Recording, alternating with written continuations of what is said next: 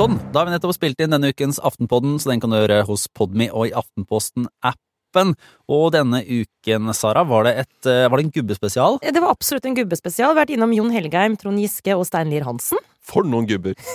De lager mye, kan vi si, moro. Ja, og si, eh, vi, det, ja, De har til felles at de er liksom gode politiske håndverkere, kan vi vel konkludere med. Det blir litt sånn landet rundt-tur. ikke sant? Drammen, Trondheim, også på hytta.